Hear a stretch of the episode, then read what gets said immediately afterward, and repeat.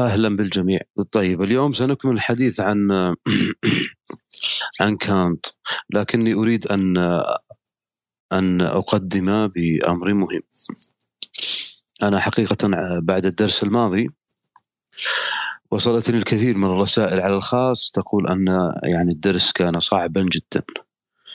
هذا وأنا كنت مجودا كثيرا في مسألة أن يكون رؤوس أقلام فقط. لكني وجدت أن الكثير من الرسائل تقول أنه كان صعبا جدا. فأنا هنا قلت شيئين. أولا أن هذا الدرس اليوم سيكون سأبتعد فيه عن القبليات التي كنت أتحدث عنها وكانت وهيوم يبدو أنني كنت متفائلا جدا يعني. الأمر الثاني هو أننا سنخصص إن شاء الله مساحة أخرى لكنها خارج الدروس وستكون هذه المساحة عن كانت وسنتوسع فيها كثيرا ثم أيضا سنجعلها مفتوحة للجميع حتى يشاركوا وهكذا. فأنا هنا لا بأس سأتقيد بما يعني في الكتاب فقط. وسأعطي رؤوس أقلام حتى تكون معينة لمن أراد أن يدخل عالم كانت. إن شاء الله قريبا يعني سنفتح الدرس آه، اللي الدرس الذي قلنا أنه سيكون عن آه، عن كانت. وسيكون عموميا يعني يعني سيكون فيه آه، يعني درس دسم قليلا يعني. كثيرا ليس قليلا لكن يعني باعتبار أنه خارج الدروس. أنا هنا سأعود مرة أخرى وتقيد قدر المستطاع بأن يكون سهلا. بالنسبة لكانت سأخصص حديثي اليوم فقط عن الأخلاق. الأخلاق الكانطية يعني لأن هذا الموضوع هو لب ما يمكن أن يقال عن العقل العملي أو حتى بعض كتبه مثل تأسيس الميتافيزيقا نقد تأسيس الميتافيزيقا وحتى دروسه في التربية دروس كانت في التربية أيضا يعني توجهت إلى هذا المنحى آه، تجدون في الكتاب أنه تحدث يعني ويلدورانت تحديدا وسأحاول أيضا أن اتقيد قدر المستطاع بما قاله ويلدورانت آه، آه، بمفهوم الأخلاق المطلقة. هذه تسمعونها دائما عن كانت. الأخلاق المطلقة هنا معنى ذلك أننا سننحي جانبا موضوع التجربة. سننحي موضوع التجربة. يعني بمعنى أن أتقيد بالأخلاق كما هي دون أن أخضعها للتجربة. يعني بمعنى آخر لا علاقة لا للدين ولا العادات ولا التقاليد بكل ما سنقوله. واضح؟ هذه لا علاقة لنا بها إنما نتحدث عن أصل إدراكي.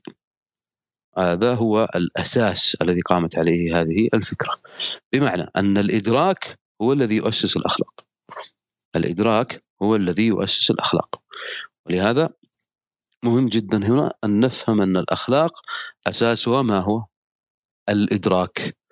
هذه اجعلوها نقطة مهمة أو أساس.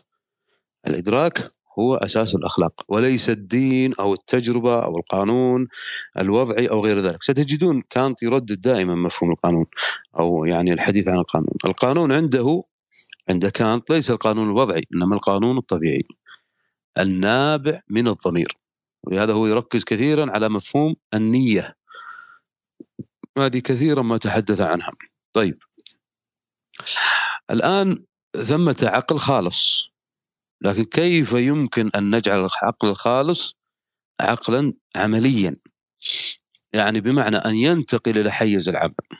اولا ما معنى الواجب عند كانت هذا ما لا ترى ما لا يعني غير موجود كتعريف في ولدونات لكن آه، تجدونه في تأسيس الأخلاق الميتافيزيقا الواجب عند كانت هو ضرورة أداء الفعل احتراما للقانون. تقفل القوس. الواجب عند كانت ما هو يعني هو أخلاق الواجب ما معنى الواجب؟ الواجب عند عند كانت هو ضرورة أداء الفعل احتراما للقانون. طب ما هو القانون عنده؟ هو القانون الخلقي أو الإدراكي إن شئتم وليس لنقل الوضعي أو أو التجريبي الذي هو القانون هذا الذي نعرفه عند المحامين وغيره. لا لا المقصود هو القانون الخلقي. طب القانون الخلقي من أين؟ من الإدراك. معنى ذلك أن ليس له علاقة بماذا؟ المكتسبات مكتسبات ما هي؟ الدين العادات التقاليد سميها ما شئت. طيب الآن الفكرة هنا مهمة جدا. يعني لعلنا لعلي أتخذ طريقة ويلدرانت وهي طريقة تجريبية بالمناسبة. آه أنا الآن أريد أن أكون آه بطبيعة الحال أني سأتعامل مع غيري من الناس. هذا التعامل مع غيري لابد أن يكون عندي قانون يدفعني للتعامل معهم. واضح؟ الان سآتي بها على شكل سردية لعلي أسهلها قدر المستطاع. طيب إذا أتيت مثلا وتعاملت مع غيري التعامل مع غيري حتما سيولد يعني لنقل اختلاف بيني وبين الآخر. طيب هذا الاختلاف الذي بيني وبين الآخر إما أن يكون هي ثلاث حالات إما أن أتغلب على الآخر أو أن يتغلب علي أو أن يكون هناك نوع من المعادلة بيني وبينهم. طيب في أحيان كثيرة نضطر أن أن أن لا نكون صادقين. يعني الموقف نفسه يكون أقوى مني. ماذا أفعل؟ أو ماذا يفعل الناس بشكل عام؟ يكذبون. نحن نخففها فنقول نجامل يعني نمشي الأمور. يعني نأتي بتسميات هكذا شعبية لكن لكن إذا أخذناها بدقتها المعجمية نكذب. يعني مخالفة الصدق. طيب؟ طيب. الآن نحن الآن الكذب هذا هل يتفق مع الإدراك؟ ما يتفق مع الإدراك. إذا نحن الآن أمام إشكالية. إشكالية أن أكون متفاعلا مع غيري وفي نفس الوقت لا أستطيع أن افي بالقانون الإدراكي وهو أن لا أكذب. وهذا هو الإشكال الآن. فمعنى ذلك أنني يجب أن لا أكذب مهما كان العامل الخارجي. مهما كان العامل الخارجي الذي بيني وبين الآخر. المفروض أن لا أكذب نهائيا. وأن لا أجعل الكذب له تأويلات. أنا لا أكذب بمعنى أن لا أكذب. ما الذي سيجعلني أو ما الذي سيدفعني إلى هذا الأمر؟ المفترض أن لا تكون المنفعة. لا. المفترض أن يكون هناك دافع داخلي. ما دون نتحدث عن إدراك. الدافع الداخلي هذا هو الذي يقول إياك أن تكذب. إياك أن تفعل كذا. هذا الآن قانون أخلاقي. كأنه يردعني من الداخل. لا يجوز أن أفعل كذا حتى وإن كانت مصلحتي في هذا الشيء لكن المفترض أن لا أفعل ذلك. مهما كان لنقل المنفعة. هذا الآن يصبح قانون أخلاقي عندي. طبعا هذا القانون الأخلاقي هو الذي سيشعرني من الداخل بأني قمت بواجبي الذي يتفق مع إدراكي أو مع ضميري. وهنا أنا بهذه الطريقة سيصبح عندي إرادة للخير. إرادة لأن أتبع قانوني الداخلي الأخلاقي. ولهذا هو يقول أظنه موجود هذا يعني في الكتاب أيضا. اي موجود. اللي هو نص. النص آه، الذي قاله ويل دورانت. وهو جيد أن نذكره هنا. يقول أين هذه الكلمة؟ أي أن المهم هو ليس المهم السعادة إنما الواجب. طبعا مفهوم السعادة هنا سيطول جدا الحديث الحديث عنه. لكن ليس المهم فقط أن تكون سعيدا بأي طريقة، لا. المهم أن أؤدي واجبي. ليست الأخلاق مبدأ يعلمنا كيف نجعل أنفسنا سعداء. لاحظ ليست الأخلاق نفي هنا مبدأ يعلمنا كيف نجعل أنفسنا سعداء. يعني السعادة ليست في أن أتعلم كيف أكون سعيدا لا. ولكن كيف نجعل أنفسنا جديرين بالسعادة؟ كيف تكون هذه الجدارة؟ بأن أكون صادقا في ادراكي الاخلاقي يعني هذه واجب الآن. يجب أن يكون هو المسيطر علي. هو الذي يجعلني أصل إلى الكمال. والكمال هذا طبعا له أهمية كبيرة عنده. الكمال هنا هو أن أحقق إدراكي الداخلي. سواء كان هذا الشيء الذي حققته يتوافق مع بداخلي حتى لو كان مضرا لي في الخارج حتى لو كان مؤلما حتى لو لم يصل إلى أن أنتفع به. لا بأس. المهم أنني فعلت الواجب علي. ولا تجدون بعضهم مثلا يذهب على سبيل المثال يفعل فعل معين ثم يعترف بفعله أنا فعلت كذا. قد يواجه مثلا لنقل سجن قد يواجه مثلا غرامة قد يواجه هو يقول أنا استرحت. لماذا؟ هذه كلمة أنا استرحت هذه كلمة كانطية. بمعنى أنني قمت بواجبي الذي بداخلي. سواء وجدت النفع أو ما وجدت النفع ولا تجدون هؤلاء قليل جدا بيننا. حقيقة. تجدونهم قليل جدا. الذين يفعلون الشيء لأن واجبهم يقول ذلك وليس لأن ثمة مصلحة أو منفعة خارجية. حتى لو كانت هذه المنفعة أو مصلحه هي عبادة الله مثلا أو الرغبة في الجنة أو غير ذلك من ما نقول. لا إنما الرغبة الحقيقة أني أنا أؤمن بمعنى ادراكيا من الداخل أن هذا هو الواجب علي. وهنا يأتي في مفهوم الواجب الكامل وواجب عدم كامل هذا عنده. الواجب الكامل هو مثلا الا أكذب.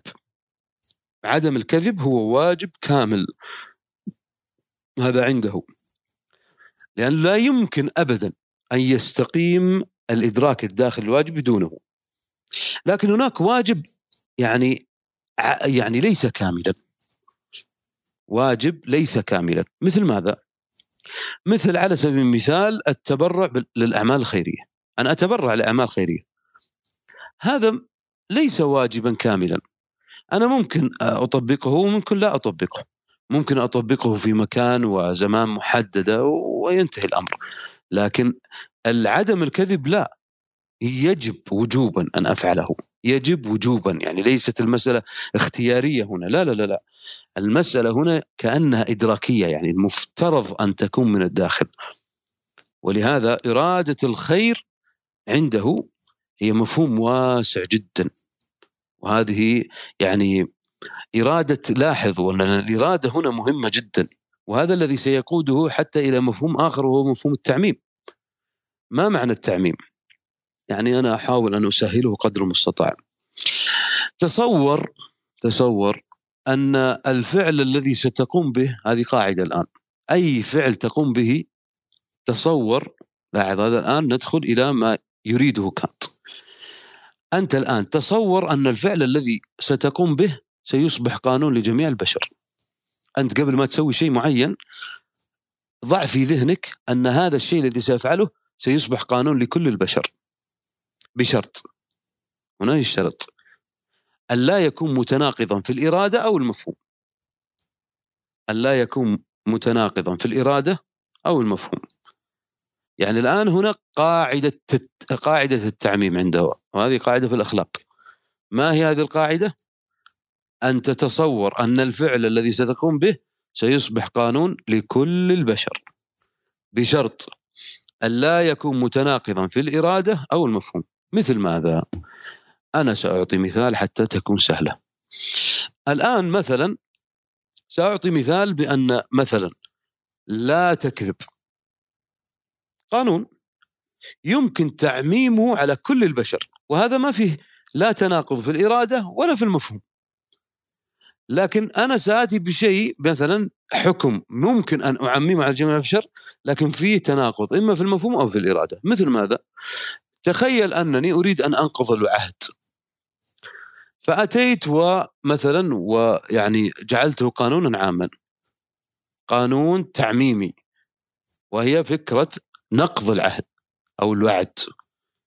هذا الآن يصبح قانون عام. هذا الآن سيؤدي إلى تناقض. لماذا؟ لأن جميع الناس سيقولون نتعاهد على أن ننقض العهد. هذا في تناقض. المفهوم نفسه هنا متناقض. كيف تتعاهدون على أن لا تتعاهدون؟ إذا نفس هذا الفكرة التي تريد أن تطبقها هي نفسها متناقضة أصلا. يعني من داخلها متناقضة. فلا يصلح تعميمها. هذا هذا يعني متناقضة هنا في المفهوم. طيب كيف متناقضة في الإرادة؟ مثلا أقول مثلا لن أتبرع الجمعيات الخيرية. طيب اجعلها معممة. هذا سيجعل الناس لا يتبرعون. ما الذي سيحدث؟ سيحدث خلل خلل تناقض في إرادة الخير. يعني هنا الآن تخيل أن كل الناس لن يتبرعوا. لتبرعات خيرية. ما الذي سيحدث؟ سيحدث هنا خلل في إرادة الخير. ما عاد أحد يريد الخير. ما عاد أحد يريد أن يطبق الخير. فهنا تناقض في ماذا؟ في الإرادة. اذا هنا شرط التعميم ما هو؟ أن أجعله على الناس كلهم بشرط أن لا يكون هناك تناقض لا في نفس المفهوم ولا في الإرادة. أنت يمكن أن تطبق هذا الشيء. أن تطبق هذا الأمر مهم جدا.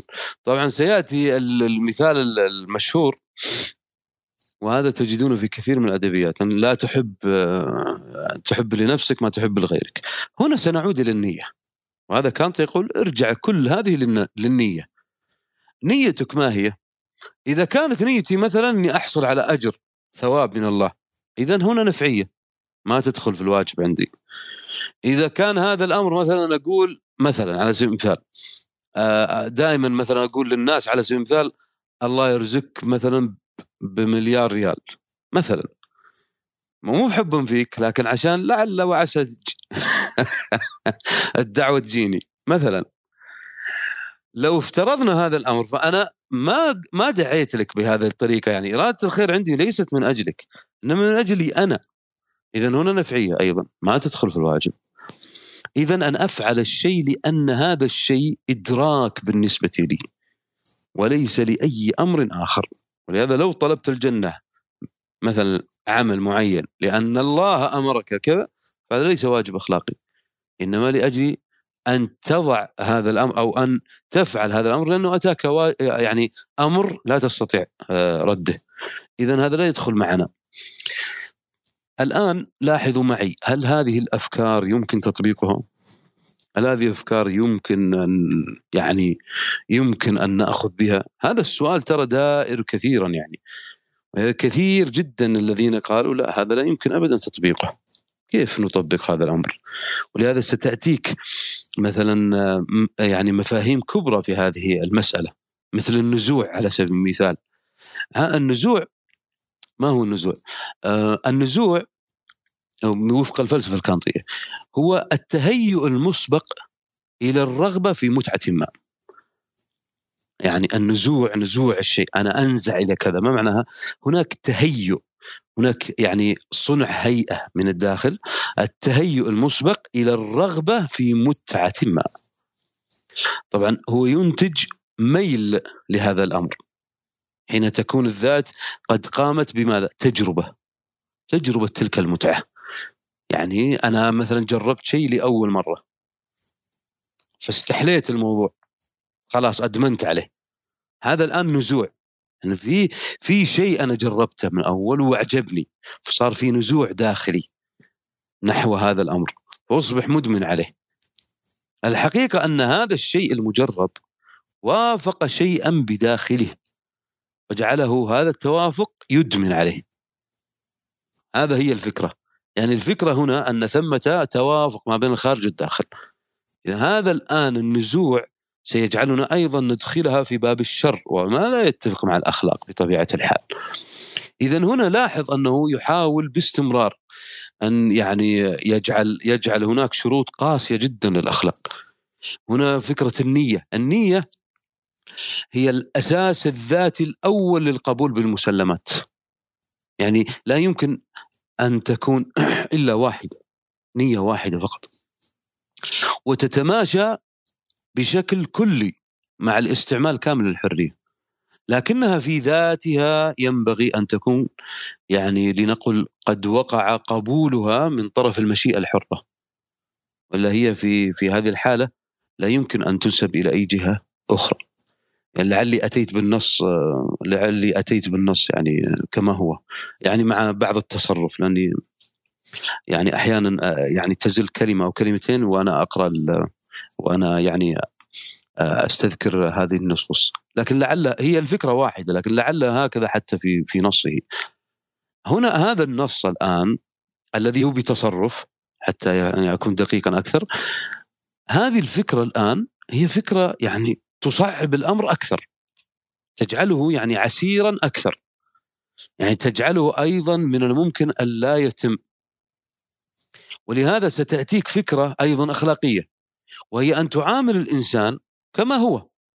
يعني أن تعامل الإنسان كغاية في ذاته كغاية في ذاته. يعني ألا تشيئ الآخر. يعني على سبيل المثال أنا أريد أن أتعامل مع وليد. مثلا.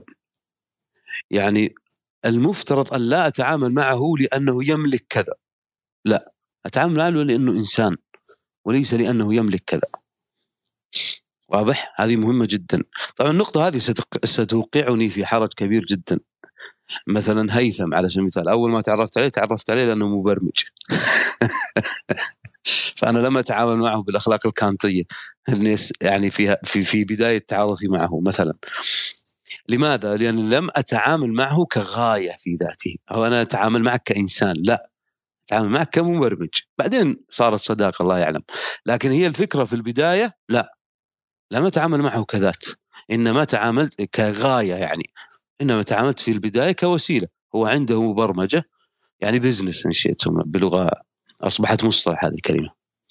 هذه يرفضها كانت.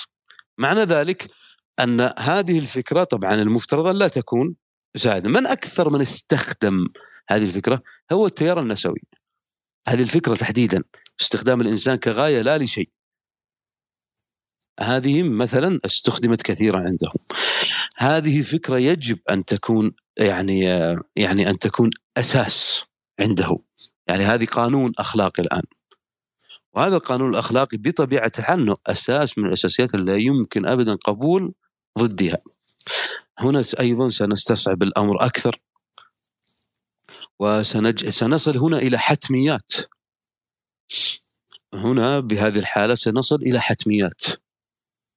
هذه الحتميات مرتبطة بحرية الإرادة التي قلنا قبل قليل. يعني مثلا هناك طبقات تعتبر عناصر تعين الإنسان على الخير. ما هي هذه الطبقات؟ الأولى الاستعداد بالنسبة إلى الاستعداد القبلي ها؟ بالنسبة إلى حيوانية الإنسان من حيث هو كائن حي.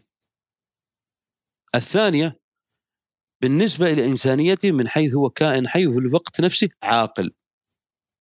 الثالثة بالنسبة إلى شخصيته من حيث هو كائن عاقل وفي الوقت نفسه قادر على تحمل المسؤولية. يعني عندنا ثلاث. هذه الثلاث هي استعدادات الإنسان للخير.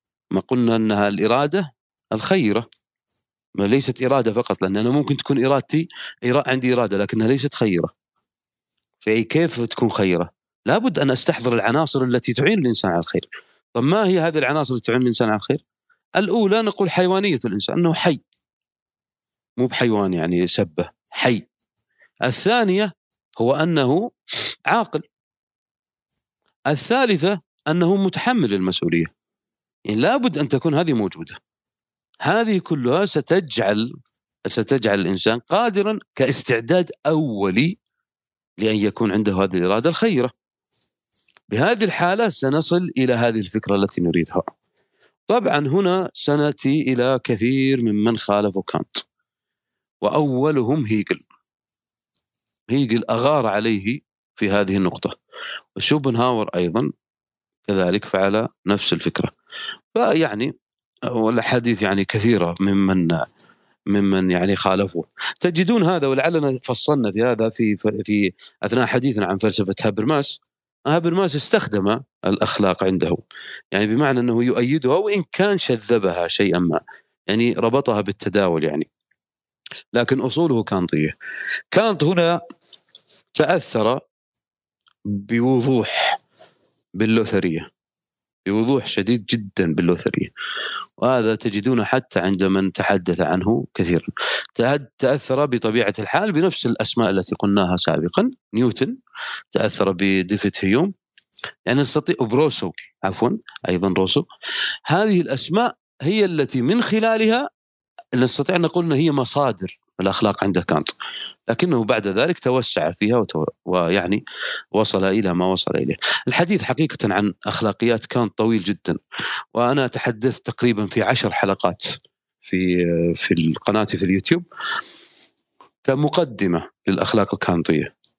فيعني الحديث طويل جدا لكني قلت سألتزم لكثرة الرسائل الحقيقة اللي جاءتني وكنت منصدم والله. يعني أنا توقعت أن الدرس الماضي كان يعني سهلا إلى درجة أنني ظلمت كانت لكن اكتشفت أنه يعني كان صعبا جدا. فلعل فيما قلت هنا إشارات. وهي إشارات مدرسية. يعني أقل من كذا ما في تبسيط. فهذه تقريبا أساسيات يعني فلسفة كانت الأخلاقية. أرجو أن تكون واضحة وأنا يعني أقول دائما القراءة ترى مهمة جدا واستمرار التعاهد لهذه الدروس مهم جدا. فلا تتوقعوا أن مثل هذه الأفكار لأنها أيضا ستكون يعني أنا والله حقيقه يعني هذا القول الذي قلناه اليوم ترى يمكن ما يأتي 5% من فلسفة كانت. خمسة وقليل خمسة في المية حتى. فلسفة كانت الأخلاقية ليست كلها طبعا. لكني قلت أن سنفتح إن شاء الله مساحة أخرى وستكون المساحة الأخرى يعني يعني فيها توسع أكثر وفيها أيضا نفتح باب المشاركات لمن أراد أن يشارك حتى ما يعني يعني نجمع بين الأمرين. الدرس يكون يعني كمقدمة هكذا سهلة والدرس الآخر لمن أراد يعني كان درس خصوصي الثاني. إن شاء الله تكون سهلة يعني الأمر سهل إن شاء الله لكن مزيد من القراءة مزيد من التأمل يعني إن شاء الله يسهل الأمر. طيب شكرا لكم. ارجو ان يكون فيما قلته يعني نفع وفائدة وباب للتأمل والتفكر في ما قدمه هذا الفيلسوف العظيم.